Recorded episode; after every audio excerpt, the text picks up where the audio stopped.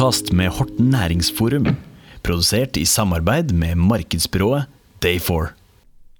Hei, Espen. Espen Aas. Hallo! Hei, velkommen til oss. Takk. Det var ikke lett å få tak i deg, for du er jo eh, rimelig på farta for tiden. Hortenskar, ja. Bor i Oslo. Tilbake etter mange år i London. Det er blitt noen år. Nå Ja. fire år siste gang. Ja. Og prøver å venne meg til å være tilbake. Ja. Åssen har det vært tilbake i Horten, da? Det er jo alltid hyggelig å være tilbake i Horten. Selvfølgelig. Eh, og vært her ganske mye etter jeg kom tilbake fra London også. Mer enn jeg egentlig pleier. Både sosiale ting og litt sånn eh, halvveis jobbrelatert pga. Ja, foredrag og, og annet. For Det er det som er litt spennende akkurat nå. Du er veldig aktuell med boken eh, 'London-tuben'. Og det er da en bok om undergrunnsbanen i London etter alle de årene du har vært der. 270 stasjoner har du besøkt. Kan du fortelle om hvorfor i all verden begynte du med det der? Det er liksom koko-opplegg for de 270 stasjoner. Hvis man lurer på hvor mange 270 stasjoner er, så kan jeg fortelle at det er en sånn gal fyr i London som synger alle navnene på tubestasjonene, og han holdt på i over tre minutter bare på navnene, ikke sant. Eh, så dette er jo kilometer etter kilometer etter kilometer, så det tok jo vanvittig lang tid. Men poenget var at uh, fotografen min uh, i London og jeg, vi var vel sånn to år inn i fireårskontrakten min, tror jeg. Og så sier jeg til han du, Johan, jeg lurer på om vi har vært på alle tubestasjonene nå? Ja, og han bare ja, jo, kanskje vi har vært det. Og så sa jeg men kan vi ikke legge ut et bilde fra hver stasjon? Ja, jo, yes. Og så tok jeg bare bilde av Tube-logoen på den stasjonen vi var på, en eller annen stasjon i, i sentrum. Uh, og så la jeg den ut på Jeg hadde en sånn NRK Facebook-side, eller den eksisterer for så vidt fortsatt, men det er ikke så mye aktivitet der. Og så skrev jeg en liten historie om uh, det stedet, og så plutselig var det innmari mye sånne likes, da. Uh, og dette syns folk er gøy, og jeg tenkte bare sånn Hæ, hva da?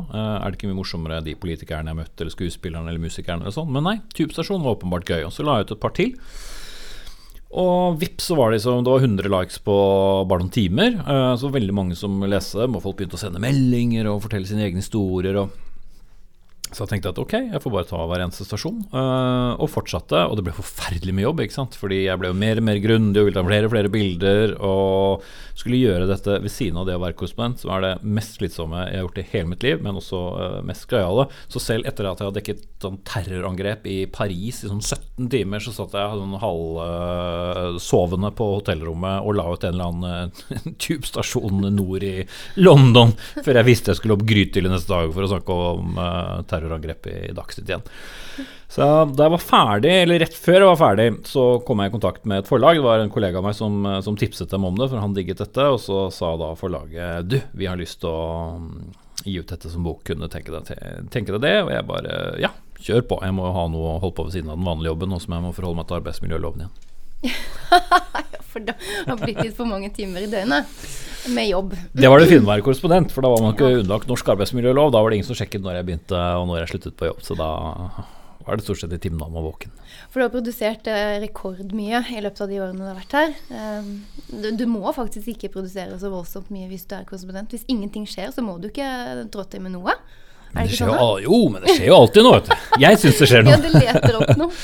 Uh, det jo, jeg var jo student i London på 90-tallet, veldig mange år siden. Uh, og da tenkte jeg for en godtepose uh, av et sted med så mange historier. Og jeg tenkte tenk så kult hvis jeg en eller annen gang skulle klare å komme i en posisjon at jeg kunne jobbe her som journalist. Virket jo helt urealistisk, selvfølgelig, tilbake i 96-97. Og så tenkte jeg ah, bare få lov å si Espen Aas London på en reportasje. Og sånn uh. Eh, og så mange år senere så plutselig var jeg der, da. Eh, og så tenkte jeg, vet du hva, eh, nå har jeg først, først fikk jeg bare tre år, da. Så tenkte jeg de tre årene her, jeg skal også klare å samle så mange historier jeg bare klarer å få sendt hjem. Eh, og jeg syntes det var så gøy. eh, så uansett hvor sliten jeg var, så bare tenkte jeg ah, mer, mer, mer, mer. Og så fikk jeg også et fjerde år, og da var det jo bare å gønne på. Så skjedde jo helt vanvittig mye i løpet av de årene. Det var prinsefødsler, det var uh, valg, det var uh, folkeavstemninger om frigjørelse for Skottland, selvfølgelig brexit, som alle husker, og utrolig mye gøyalt ellers. Ja, fy søren. Du hadde nesten ikke fått åpnet flyttelasset ditt med en gang du kom ned for prinsefødselen, var det ikke sånn? da? Jo, jeg var ikke det engang. Jeg hadde satt meg på flyet på Gardermoen, uh, og så smalt det inn en sånn hastemelding på telefonen min fra BBC. 'Duchess taken into labor'. Jeg bare, oh god, Der satt jeg i shorts og solbrun etter en uke på Tjøme og tenkte det skulle ha en sånn rolig oppstart uh, i London. Det var 22. juli.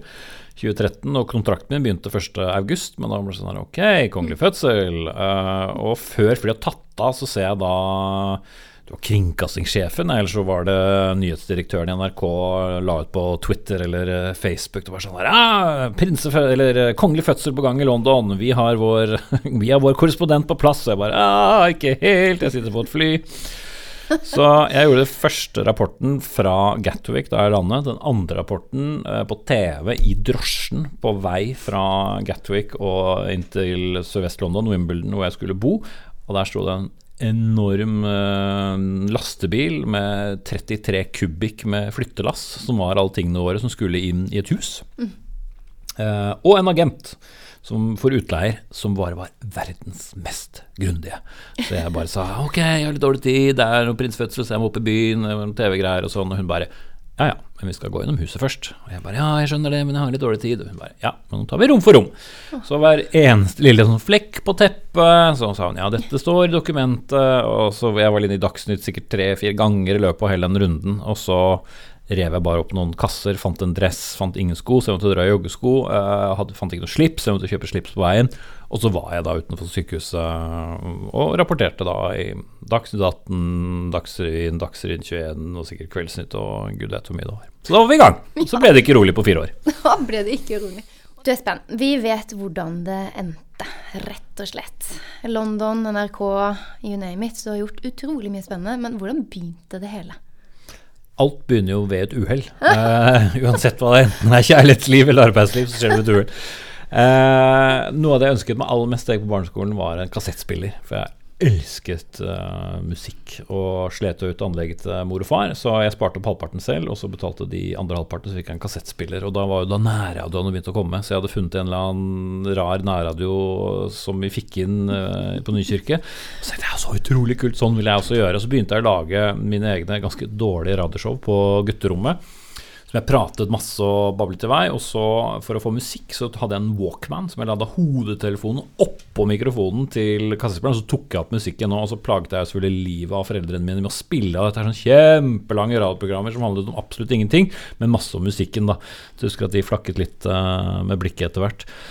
Uh, men så begynte jo nærradioene i Horten å blomstre opp. Horten Radio, Radio Horten radiokanalen etter hvert. Og så var det noen kompiser i klassen som hadde begynt å lage eller jobbe i nærradioen. Uh, og jeg syns jo det hørtes sånn litt kult ut, men jeg var veldig opptatt av å være rocker og spille i band og spille bass og se rar ut og fly med damer. Uh, så jeg så ikke helt den greia, men så uh, var det en god en vei, Lasse Kokvik, som tok meg med til kjelleren på gamle Gjengangeren, for der var nærradioen. Og så bare Wow, det er platearkivet, ikke sant? Og bare sånn Å, så gøy. Og så gikk det ikke lang tid før jeg hadde mitt eget program het Riff Raff, som var eh, et sånn heavy rock-program som hadde ganske mange lyttere. Folk hørte på masse på nærradio den gangen. Og så begynte vi med andre programmer, og man fikk jo masse venner der, og det ble jo en sånn utklekkingsverk som kunne gjøre absolutt alt, og det skulle være annerledes enn NRK, og du skulle finne på egne ting. Så jeg husker sånne lange nett netter, og vi drakk lite vis med kaffe og laget hørespill og tulleprogrammer hvor vi parodierte Horten Eias egne programmer, parodierte Radio Horten, Radiokanalen, NRK og alt sånt. Og vi lærte altså så mye. Satt med teip og klippet bånd og limte sammen og laget altså så mye tull. Masse dårlig, men mye som er ganske bra.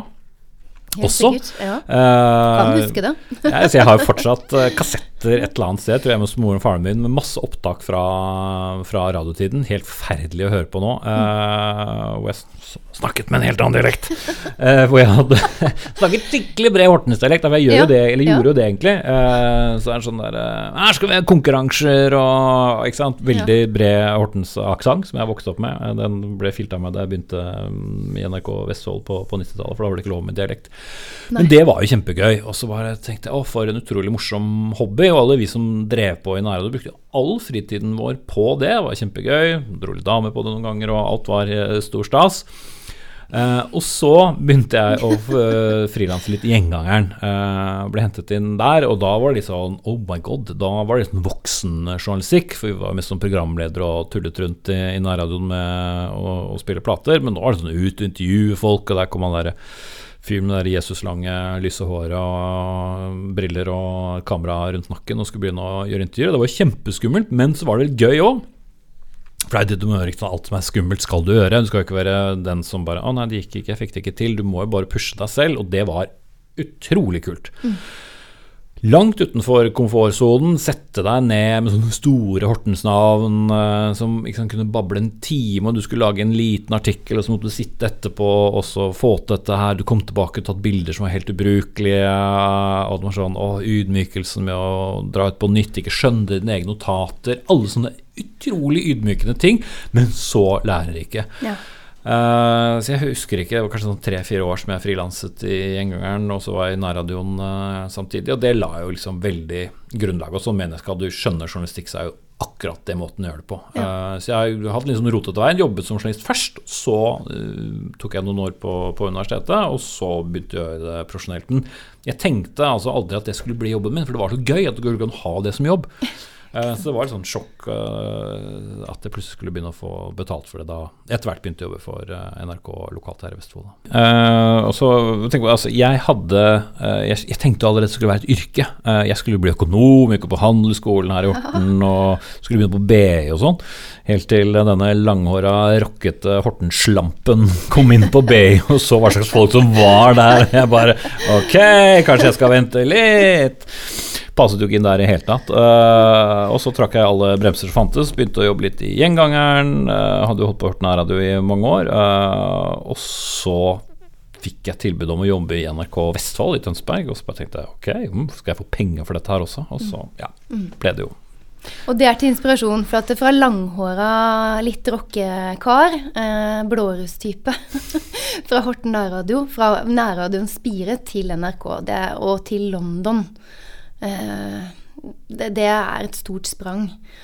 For de som hører på, det er gjerne sånn at vi skal inspirere litt også, Hortens folk, til å tenke alt er mulig. For det er det jo.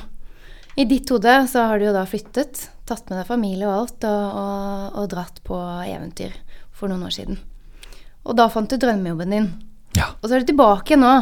Hva tenker du nå? Hvordan skal du pitche deg inn på et oppdrag til i London?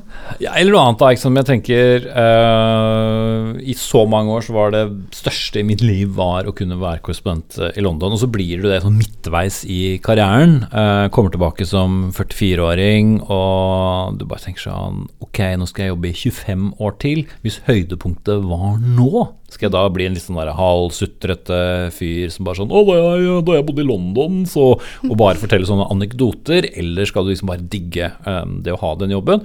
Og jeg begynte å digge det med en gang. Jeg kom rett inn i valgkamp. eh, valgkampen i 2017. Land og strand rundt med Erna Solberg, Jonas Gahr Støre. Masse gøy som skjedde. Og så minner jeg meg selv på hele tiden altså jeg, kunne hatt en ordentlig jobb. Jeg kunne vært eh, sittet på kontor fra ni til fire, ikke at det er noe galt i det, men jeg passer ikke så godt til det, eh, og gjort de samme tingene. Jeg hadde blitt helt gal. Men jeg har ingen, absolutt ingen arbeidsdager som er like. Møter nye folk hver dag, nye eh, problemstillinger hver dag. Lange dager, ja vel, men herre min hatt, så gøy. Ja. Så jeg tror det bare handler om å elske det du gjør der og da. Og så må du tenke at det er mye lettere å liksom fremelske det du holder på med, enn å tenke å jeg skulle heller gjort noe annet, eller å det var mye gøyere før. For jeg tror med en gang du kommer i en litt sånn nedadgående spiral, så er det så innmari lang vei opp igjen. Men hvis du klarer å hele tiden være i siget oppover, eh, så kan du flytte veldig lenge på det. Og nå har jeg jo vært journalist i og jeg tør ikke å si det høyt engang, men ganske lenge. Og jeg mener fortsatt å bli trodd på at jeg har ikke hatt noen dårlige dager. Ok, jeg har vært sjuk, ja vel, det har vært saker jeg ikke har fått på akkurat når jeg ville det, de har ikke vært på topp i Dagsrevyen, kanskje kommet til nummer, sak nummer fem, hva som helst. Sånne, sånne små nederlag. Men hva betyr det? Det For har det vært kjempegøy. For det å komme som nummer fem, det er litt, et lite nederlag, for du skal egentlig være ranket Ja, hvis man syns at man har laget en veldig bra sak, så vil man jo gjerne det. Men er ambisiøst, da. ikke sant? Ja, ja. Du må jo digge og mene at det du gjør eh, er bra, men samtidig eh, ha mål også til å se at ok, i dag skjedde noe annet. Um, altså Under uh, 11. september-angrepene i 2001 så hadde jo akkurat vært valg, ingen husker jo det, men det var jo da Stoltenberg I-regjeringen lidde nederlag, heter det, nederlag så det sang. Og jeg sto på Youngstorget og eh, intervjuet LO mens flyene kjørte inn i, i Twin Towers, uh, og alt var jo kaos i alle nyhetsredaksjoner i hele verden. Uh, og det gikk ganske mange timer før jeg liksom innså da også at vet du hva, den saken skal ikke på i dag. Eh, så man er litt der, men da må du innse at kjære venn, dette er, ingenting annet er, eh, er viktig i dag. Og det må du liksom ta innover deg noen andre ganger òg. At du som utgangspunkt kan tenke at det du gjør er det aller viktigste, og så gjør du det så godt du bare kan. Og så må du også være åpen for at faktisk så har noen andre laget noe bedre, og så må du se hvorfor det er det, og, og forstå det, og så være komfortabel med at ok, da var jeg nest best, tredje best, fjerde best, femte best. Og så finner du noe trøst. Min trøst da, er at hvis du ser på grafen på seerne på Dagsrevyen, er at det er færre seere i starten. Eh, Fordi folk bruker litt lang tid på å slå på lineær TV, for de som fortsatt bruker gammeldags lineær TV. Så egentlig får du flest seere litt sånn langt ut i sendingen. Så da trøster jeg meg med det. Oh, ja. oh. Og får jeg toppsaken, så tenker jeg ja, kult, jeg hadde toppsaken. Så Men toppsaker, altså, det er ikke så lenge siden så eh, er det du som var stemmen bak Nobels fredsprisutdelingen. Det er stort. Er ikke det toppsak? Jo, det var jo kjempegøy eh, å bli spurt eh, om det. Da var jeg faktisk eh, på disse trakter. Ja. Så jeg var ute og gikk med faren min og døtrene mine, og så kom det telefon fra NRK, og så sa de du, vi lurte på om du, når vi kommer så langt i desember, har lyst til å være den som kommenterer nobelprisutdelingen. Jeg var en helt annen sånn dimensjon. og var sånn, gud, hvem var det som vant den egentlig? Så jeg var litt sånn der, tenkte ja, jo, ja, hva innebærer det? Og så drar det seg til, og det er jo en av de største produksjonene som NRK lager. altså Den sendes jo til millioner og millioner og millioner. Det er liksom NRK som lager den sendingen som alle TV-stasjoner som vil videresender i Europa, Asia, USA, hvor som helst du bruker uh, klipp fra. Og jeg skulle jo for så vidt ikke ha noe med det å gjøre, jeg skulle jo da være den norske stemmen, men dette er superproffe folk. Han som produserer den, en som heter Ole Jørgen Grønlund, han har vært produsent i alle store TV-events i NRKs historie, omtrent ikke NRKs historie, men veldig mange år. Han produserer liksom Rondom, Petter Nome, han har produsert masse av Skavlan-programmene da de var store events, og disse Nobelsendingene. da, Og bare stålkontroll. Da sitter han i en buss, masse skjermer, masse TV-kameraer, og sier 'det kamera, det kamera, det kamera', gjør klar det kamera. Eh, Så det var jo veldig gøy å jobbe med disse folka, som selvfølgelig er også helt vanlige mennesker som vi sitter og tuller og prater uh, skitt uh, på bakrommet med, men liksom som bare lager gull og elsker jobben sin og bare leverer det ypperste av det ypperste. Så Nede i Oslo rådhus da jeg var der, der var det liksom kameraer oppe på galleriet, det var kraner med kameraer, altså masse, masse folk, og så sitter de der bare og syr den sendingen, og så skulle jeg få lov til å være den norske stemmen, og det var også gøy, for det rant jo inn da med hyggelige tilbakemeldinger fra folk på sosiale medier og meldinger og alt sånn etter hvert som det ble ferdig.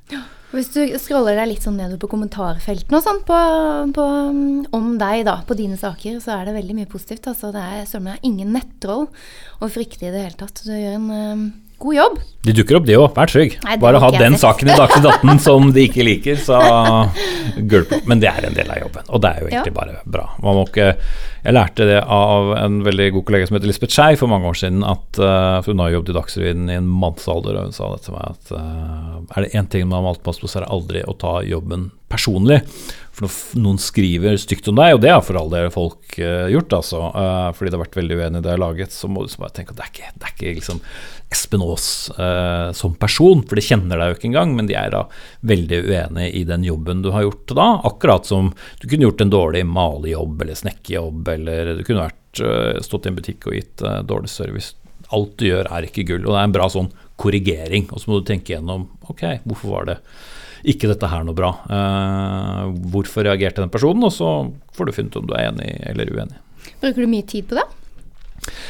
Bruker faktisk litt mer tid enn jeg burde gjøre. Sånn som når jeg har Dagsnytt 18, som er det programmet jeg har øh, mest, da, som er en time debatt hvor du kjører fem-seks øh, debatter på stripe. Du forbereder deg i ni timer først, og så har du én time da med direktesending, som er da det programmet i Norge som folk twitrer mest om etterpå. Det kan hundrevis av tweets, så da pleier jeg å gå i treningsrommet. Fikk jeg skryt av det òg. Eh, og så står jeg på en eller annen eh, maskin da, og så går jeg gjennom eh, Twitter. Er Mest for å lese diskusjonene som foregår der om diskusjonen vi har i, i studio, og så også for å finne andre ting. Så er sånn der Å, herregud, hvorfor mm, var det ikke en bedre programleder i dag som stilte det og det spørsmålet? Var det ikke veldig spesielt å gjøre sånn og sånn, eller det kan være hyggelige ting. Eller så henger de seg opp i gale ting som uh, mansjettknappene mine, eller at håret står etter værs, eller at jeg har en London-kopp i studio og du lurer på om det er øl i den. Så du må bare gå gjennom uh, Er han edru eller ikke? Er Ikke sant, det kan man jo også lure på. Han er alltid det, altså. Er så gira. Ja, det er bra. Men, men eh, det der med netthold, nemlig, det er jo Altså, skal du bygge opp noe, skal du gjøre noe, skal du hevde deg selv litt, så er det alltid sånn. Um, men konstruktiv kritikk, det er, jo, det er jo viktig å få med seg det òg. Så du gjør det jo til noe bedre, gjør du ikke det? Jo, jo, og det skal man ta til seg. Og jeg tenker når jeg får eh, kritikk, så er det sånn Jeg tror det er et sånn menneskelig instinktiv følelse at det første du tenker, er sånn Åh, hvorfor mener du det? Mm. Uh, så jeg svarer aldri på noe med en gang, med mindre det er en ting som er lett å svare på. Hvis det er kritikk, eh, konstruktiv eller uh, annen, mm. uh, så lar jeg det bare synke litt inn. Altså mm. Ingen har krav på svar med en gang. Og så tenker jeg også at De fleste er ofte fornøyd bare de får et svar. Mm. Eh, det må ikke være et sånn dustesvar. sånn at, 'Å, takk for tilbakemeldingen, det tar vi oss videre'. Det er det ingen som bryr seg om. Eh, men det kan være sånn ja, vet du hva, Det hadde jeg ikke tenkt på. Eh, godt innspill. Jeg skal se gjennom sendingen på nytt. og ofte så kan jeg også si det til folk at ok, jeg skjønner at du opplevde det sånn, men prøv å se, prøv å se debatten én gang til, mm. så se om du tenker det samme. For ofte er det én ting som folk uh, klikker på, og særlig når det er politikk. ikke sant? Enten tilhører man venstresiden eller så tilhører man høyresiden. Vi tilhører jo ingen side, vi prøver bare å lage best mulig debatt. Mm. Men jeg merker ofte at uh, folk i begge leirer kan bli sånn illsinte. Ah, det er så typisk deg å la høyresiden slippe så lett unna, din blå NRK-journalist. Eller omvendt, da, ikke sant? din blodrøde NRK-journalist. Og så er det sånn, men ta av deg de politiske brillene, ja. og så se det en gang til. Hør hva som blir sagt. og det er ofte det. Eller så må jeg noen ganger, eller noen ganger, innimellom, eh, også innrømme at ok, vet du hva, her burde jeg visst det. Her lurte de meg, her brukte de en eller annen hersketeknikk, eller de bridget et eller annet som ikke jeg oppfattet fordi jeg fikk en beskjed på øret, eller hva som helst. Det er, det er jo liksom glasstak i mindre byer, og det kommer jo fra denne lille byen, eh, Horten, Nykirke. Ikke sant? Altså, har du merket litt sånn underveis i karrieren din? At det har vært litt sånn Nei, fra, fra Horten kan du klare det her, da? Nei. Eller har du bare ikke sett det? Nei, jeg tror jeg, jeg, tror stort sett forhåpentligvis ikke har uh, lagt så mye uh, merke til det. Ja, altså, jeg syns folk uh, generelt sett er, er veldig rause. Ja, det er bra. og jeg pleier heller ikke å liksom late som om jeg er noe mer enn det jeg er. Jeg har alltid vært åpen på at jeg var en rotete, rockete fyr som aldri klarte helt å finne hvem han var. Brukte lang tid på det. Jeg tenker det har vært bra, jeg. Ja. Helt supert. Ut, utvikling underveis, det er, ja, ja. det er, bra, det. I forhold til um, rett og slett Horten. Uh, du kunne jo egentlig representert Vestfold uh, på stortingsbenken hvis du hadde engasjert deg politisk. Altså, har du tenkt den tanken noen gang? Tilbake til røttene? Jeg tror ikke jeg ville egnet meg så godt som politiker, fordi jeg har jobbet så mye med politikk at uh, jeg syns ofte det er vanskelig å klare å stemme. Uh, så jeg ville neppe egnet meg til noe godt parti. Det måtte være et sånn eget parti. da, Espens parti. Diktatorpartiet. Nei da. Uh, og det er jo litt den frie rollen du har som journalist. ikke sant? Du, du kan alltid si bare sånn Ja, men jeg har jo ikke noe mening, jeg er jo bare objektiv, og jeg bare stiller spørsmålene. Så jeg syns jo det er mye lettere, og det er det nok òg. folk har jo veldig lett for å um, være kjipe med politikere og bare sånn kritisere det de gjør og kritisere det de står for. Jeg syns man bør være kjempeimponert over alle politikere uansett parti. For tenk deg, altså, de bruker hele livet sitt på å, i hvert fall store deler av yrkeslivet sitt på å for, liksom, forsvare en politikk som ikke de alltid engang er for. Mm. Der tror jeg jeg hadde slitt litt. Mm. Ja. Uh, jeg har hatt folk i studio som jeg vet har blitt sendt dit for å forsvare en sak som jeg vet den personen er, uh, er helt imot. Uh, så det er imponerende. Uh, ja. Og de må ofte ta mye mer dritt enn det vi som uh, ellers stikker frem fjeset vårt på, på TV eller andre steder, gjør utrolig befriende å egentlig bare rett og slett være seg selv hele tiden og kunne mene akkurat det du vil. Ja, eller vi mener jo ingenting, selvfølgelig, mm, men uh, Være bua, ja. Nei. Syns vi selv, i hvert fall. Ja. Ikke sant, ja. Nei, men kommentere hva du vil, da. ja da, ja. og velge saker. Og det er en stor, uh, stor, frihet. Og så er det jo faktisk litt gøy, det må jeg jo si, uh, for det var, ikke, det var før jul en gang så hadde jeg en Dagsrevy-historie som var om en jente, tidligere fotballspiller fra Horten, mm. eh, som har fått eh, ALS. Eh, så jeg hadde sak om uh, i Dagsrevyen, og da fikk jeg etter sending fikk jeg da en melding av moren hennes som både syntes det var hyggelig at den saken var tatt opp, men hun sa også og så er det bra at hun sa Horten med litt sånn trykk. Ja, uh, ja. Det syntes hun var uh, fint, og det dukker opp innimellom folk som vet det fra disse traktene, da. så det er hyggelig. Er det sånn at du hjelper litt Hortens folk frem, eller? Er det, er det sånn at hvis en, en lytter med, med noe input her hører, kan lett ta kontakt med deg på Facebook, kanskje? Altså, terskelen for å ta kontakt er jo blitt veldig liten, og det er jo mange som gjør det, og mange fra Horten som kommer med innspill, og på godt og vondt. Altså, og, å, men jeg burde ikke ta opp den saken i Dagsnytt 18, og vi har jo hatt eh, mange saker både fra Horten og omegn opp igjennom i, i, nyhetene. Selvfølgelig, det er ikke så stille her. Mye folk og mye bra folk, så der er terskelen liten. Det er bare å ta kontakt. Men ikke er det samme som at det nødvendigvis uh, blir sak den dagen, for det er mange som vil ha tingene sine på TV TV og radio, og særlig NRK. Har du gjort Horten i hjertet, selv om hvor enn du er i verden? Altså, Promoterer du hvis du kan? Altså, man slutter jo aldri Lage en bok om Horten, da. alle de nedlagte busstoppene i Horten. Ja. ja, ikke sant, ja. Nei, man slutter jo aldri å være fra et sted. Jeg tror folk som uh, litt sånn der Ja, jeg har vokst opp Horten, men uh, nå er jeg Oslo-gutt. Uh, altså, det er ingen som gjør det sånn, egentlig. Uh, også fordi jeg har jo mye kontakt fortsatt med folk som enten bor her for, igjen, eller fortsatt, og også inne i Oslo, som er fra Nykirke og Horten. Så man slutter jo aldri å være fra noe sted. Kommer jo tilbake til hele tiden, enten for familie eller for å uh, gjøre helt andre ting. Uh, og det er jo gøy å gå på folk og mm.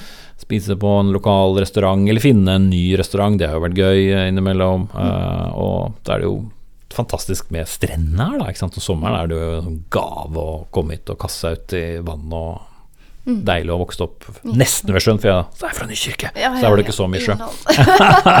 Men ikke sitt noe. Men det er jo noen puber her. Det er jo noen engelske type puber her. Og vi har mikrobryggeri, og vi har noen brune puber. Altså, det er mye godt drikke her også. Um, tanken om å flytte tilbake, er den nærliggende, tror du? Fordi jeg er så glad i den jobben jeg har, så ville det medføre litt pendling. Og det er en ting som jeg har blitt veldig sånn dårlig med. Jeg husker da jeg jobbet på NRK-kontoret i Tønsberg, bodde i Vestre Bråregate i Horten. Den der bilturen på 20 minutter, som jo er ingenting. Jeg ble så lei av det. Så jeg har jo alltid bosatt meg i Oslo sånn at jeg har bare sykkeltur til jobben. Så jeg er så dårlig på å pendle, for jeg liker nærhet eh, til jobben. Men jeg liker godt å komme tilbake. Ja.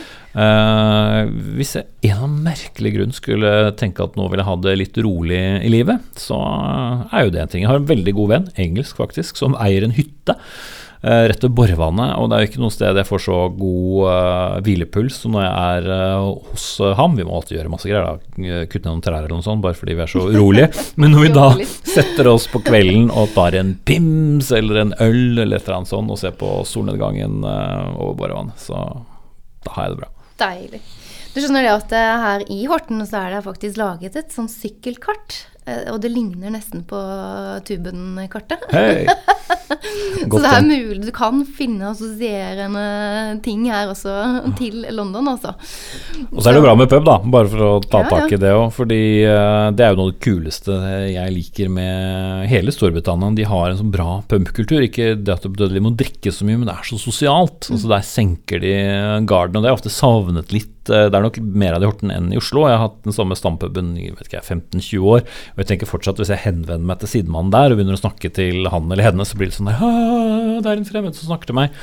Mens i, eh, i, UK eller Storbritannia så gjør man det hele tiden. Uh, første turen jeg var på min lokale pub i Wimbledon, så hadde jeg jo ikke fått bestilt min egen øl engang, for jeg var langt i den samtalen med sidemannen om ølet han hadde kjøpt, om jeg ville smake og bla, bla, bla. Så mm, folk er veldig sosiale, og puben er et eh, godt sted å være sosial på. Ja. Trenger ikke å drikke seg full for å være sosial, man bare går inn der, så er man sosial. Der, der skal man ha det bra sammen. Og du kan gjerne gå innom en pub ene og alene òg, du må ikke ha med deg en gjeng. Nei, og det er det som var kult der. Jeg dro jo ofte innom for å sette meg ned og kanskje tenke ut et korrespondentbrev, redigere en reportasje. Hadde med meg laptopen og kjøpte meg kanskje en fish and chips. Eh, bestilte meg et eller annet mørkt, skummelt uh, lokalt uh, øl. Og så er det alltid en eller annen som ah, 'Hva er det du lurer på?' Og så bare 'Å, jeg har vært der, ja'. Mm. Å, så gøy. Og så er man uh, i gang med en eller annen samtale. Mm. Du Espen, det er uh, utrolig fascinerende å prate med deg sånn i forhold til alt hva du har gjort. Du er en, uh, du er, uh, du er en kar fra en liten by som ikke liker makrell i tomat her, sånn. Kan jeg takke min kjære far for og alle søndagsfrokostene når jeg litt sånn lett fyllesyk eh, kjente den liflige duften av makrell i tomat. ja, ikke sant. Men, eh, men hva gjør du to, 29. juni, ja? Til neste år? Da er du rett før ferien, men da skal jeg se Bob Dylan for eh, 26. gang i Oslo Spektrum. Jeg tror ikke jeg kjenner noen andre som har vært på så mange konserter som eh, deg. Heldigvis gjør jeg det. Ja, du gjør det. Da timer du opp med en liten gjeng, da, eller? Ja, øh, og etter hvert så har jeg begynt å altså Første gangen jeg så Dylan, så var det sammen med to av lærerne mine på handelsskolen. Eh, eller tre var vel til og med, som dro da inn på Kalvøya 1990. Og så sto jeg sammen med gamle regnskapslærer eh, Martin Weber og norsklærer Torgne Dokke, og så var jeg på min første Dylan-konsert. Så jeg hadde gått da fra å like metal og rock til å bare ønsket noe mer, noen som sa noe, noen som sang noe. Og så hadde jeg begynt å lukte litt på Bob Dylan, og så så jo disse lærerne det. da, Så begynte jeg å gi dem stikke til meg opptakskassetter, og jeg ble jo helt uh, hooket. Så da har jeg gitt den samme dannelsesreisen til eh, venner og venninner og kjærester og alt mulig opp gjennom årene. Uh, så det blir vel en ny runde med det. Og så pleier jeg ofte å treffe andre koko-folk som driver og ser Dylan om igjen og om igjen. Så det er en liten sånn en, eh, klikk som ses. Veldig stor klikk, ja. Ja. Så det kommer jo folk fra utlandet, noen ser jo alle konsertene hans, ikke sant. Uh, så jeg har, kjenner jo folk som jeg, jeg, har- eller blitt kjent med folk over nettet da, gjennom mange år, som, kom, som reiser fra USA, reiser fra andre steder i Europa, bare for å se Dylan. Har du noen andre spennende hobbyer, da? Har du tid til det? Forresten. Så jeg prøver jo å rekke ting. Jeg har jo da samlet f.eks. på Dylan-konserter, så jeg har jo tusenvis av Dylan-konserter og opptak med ham fra slutten av 50-tallet og helt opp til eh, i dag, som jeg da katalogiserer og har eh, orden på. Så prøver jeg å lese mye, og, eller lese mye, det går jo ikke, men i hvert fall lese en del. Se serier, men jeg har jo aldri tid til å se serier, så jeg ser serier når jeg trener. Når jeg er ferdig med å lese feeden på Twitter, eh, så ser jeg serier. eh, og så har jeg skjermnekt for meg selv før sengetid. Da er det bort med alle sosiale medier, og bort med det, og så er det Lurt. bøker. Da er det bøker. Det er gode gammeldags bøker. Skal du skrive en ny bok kanskje om Dylan? Ja, kanskje det, hvis vi orker flere Dylan-bøker. Men jeg kjenner på jeg får veldig lyst til å skrive noe mer, da, for det er veldig gøy å gjøre noe så sakte som en bok. eh, og håndfast. Og da så da folk begynte å sende meg bilder av den boken da den akkurat hadde kommet ut, for da var jeg på ferie mm. i Vestfoldskjærgården til og med, så begynte det å komme bilder. Eh, på Facebook og Instagram og andre steder av folk som da så den mm, i bokhandelen, eller til og med noen som reiste med den. etter de første bildene var liksom at den lå på Tube-setet i London. Jeg ble jo helt rørt. Det er min bok! Jeg har ikke tatt i den selv engang. Og her er det noen som har reist av gårde med den. Så det var veldig gøy. Er så gøy. Du kan ikke få Dylan til Horten òg? Ja, det hadde jo vært fint. Han, eh, han har jo vært i Langesund, og det er jo ikke så langt eh, unna. 2001. eh, så det var jo kult. Så da er det faktisk innafor å ønske seg han til Horten. Hvem ellers kunne fått han til Horten enn deg? Jeg vet ikke, det er jo, altså, Horten er jo et sted mye Dylan-fans og mye kul musikkhistorie. Så jeg, tror det er mange potensielle folk i omegn her som kunne fått til det. Det har jo vært bra musikkfestivaler her i året. Altså, hallo, hvis Bob Marley kom hit på 70-tallet, så kan vel Bob Dylan komme nå? Akkurat. Før han blir 150, som jo ikke er så lenge til. Nei, det er det, da. Skal vi sette oss eh, det som mål? Ja, Shake hands på den? yay! Ok. da gjør vi det. Du Espen, takk skal du ha for at du kom hit. Takk skal dere ha. Du hørte på podkast med Horten Næringsforum, produsert i samarbeid med markedsbyrået Pay4.